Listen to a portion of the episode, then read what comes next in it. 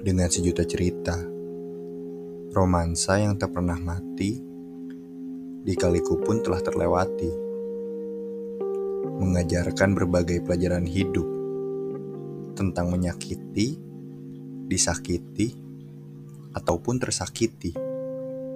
Telah aku arungi, entah berapa badai menghantam diri ini, hingga terjatuh, bangkit, jatuh, dan bangkit kembali.